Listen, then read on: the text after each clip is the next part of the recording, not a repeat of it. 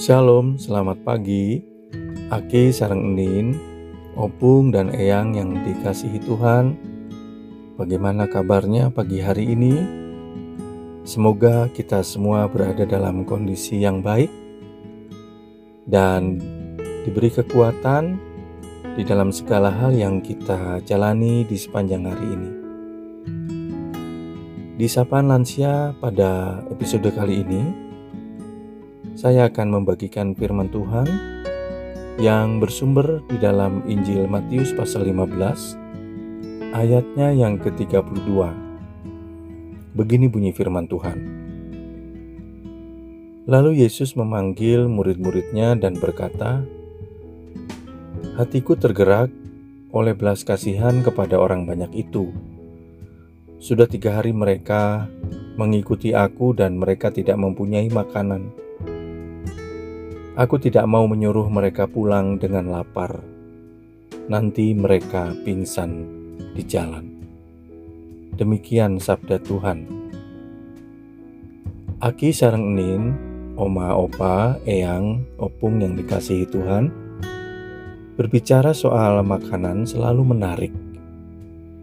Bukan hanya karena makanan itu penting bagi kelangsungan hidup kita, tetapi juga karena makanan dapat menjadi simbol untuk suatu nilai. Misalnya, makanan bisa menjadi titik tolak untuk memulai persahabatan. Banyak pembicaraan serius atau pembicaraan yang bersifat pribadi dimulai di meja makan. Untuk merayakan ulang tahun, orang mengundang sahabat-sahabatnya untuk makan bersama. Sebaliknya, makanan juga bisa menyebabkan peperangan. Seekor anjing atau dua ekor anjing bisa berkelahi karena rebutan makanan. Demikian juga manusia. Hampir sebagian besar perang di dunia ini disebabkan karena rebutan rejeki. Setiap kali kita makan, Aki sarang enin oma opung dan eyang yang dikasihi Tuhan, kita melakukan sesuatu yang tidak seorang ilmuwan pun bisa mengerjakannya, yaitu bahwa kita memasukkan sesuatu yang mati ke dalam tubuh kita dan hasilnya kita hidup. Makanan menjadi bagian dari tubuh kita. Seringkali kesehatan kita juga tergantung dari makanan. Peribahasa mengatakan kamu adalah apa yang kamu makan. Kalau kamu makan makanan yang berprotein, kamu menjadi kuat. Kalau kamu makan makanan yang jelek, kamu menderita kekurangan gizi. Demikian kata pepatah. Mengetahui rahasia ini, Tuhan Yesus memutuskan untuk menjadi roti dan menyerupakan dirinya seperti makanan bagi jiwa-jiwa para pengikutnya. Di dalam Injil Matius yang kita baca tadi, sebenarnya itu adalah ayat yang kemudian ada di dalam kisah ketika Tuhan Yesus memberi makan 4000 orang. Dan cerita ini ada hubungannya juga dengan perayaan perjamuan kudus yang akan kita rayakan pada hari Minggu nanti.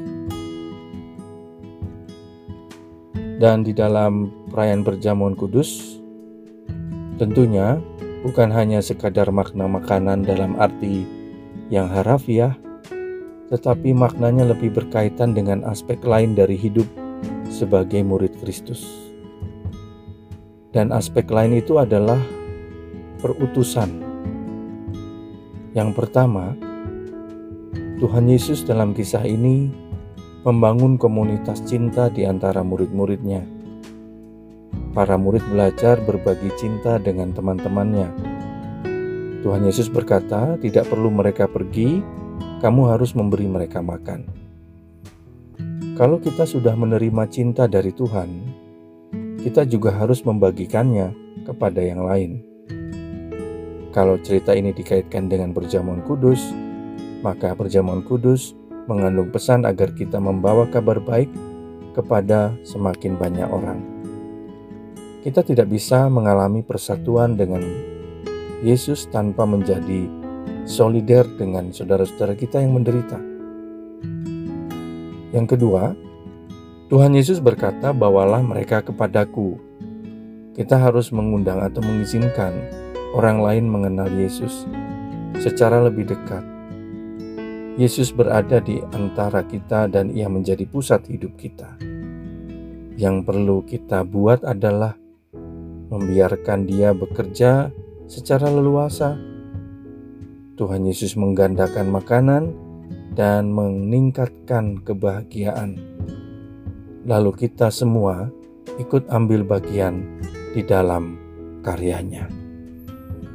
Aki sarang enin, oma dan opa, mari kita membagikan kebahagiaan dalam bentuk apa pun, entah itu makanan atau minuman, perhatian dan dukungan, bahkan doa bagi mereka yang menderita, seperti yang dilakukan oleh Tuhan Yesus. Tuhan Yesus membagikan makanan agar orang-orang yang mengikutnya ikut merasakan kebahagiaan dan mereka tentunya tidak kelaparan. Tuhan menguatkan kita semua di dalam keikutsertaan kita melakukan atau meneruskan karyanya. Amin. Mari kita berdoa. Bapa Surgawi, di dalam Yesus kami belajar tentang bagaimana kami dapat membagikan kebahagiaan kami. Keikutsertaan kami di dalam berjamuanmu mendorong kami, memotivasi kami untuk melanjutkan karyamu di dunia ini dengan mengikutsertakan orang lain yang menderita untuk ikut merasakan sukacita dan kebahagiaan, untuk ikut merasakan makanan dan minuman yang telah Engkau berikan kepada kami. Kebahagiaan itu tidak akan kami simpan, tetapi kami akan membagikannya kepada orang lain sebanyak-banyaknya. Mampukan kami, Tuhan, untuk kami dapat membagikannya. Mampukan kami untuk juga bisa menjadi roti dan anggur yang hidup bagi sesama kami di dalam usia kami yang telah sepuh ini. Kami percaya, meskipun dalam keterbatasan, Engkau memampukan kami. Di dalam namamu dan di dalam cintamu yang besar, yang telah kami alami dan kami rasakan, kami berdoa. Amin.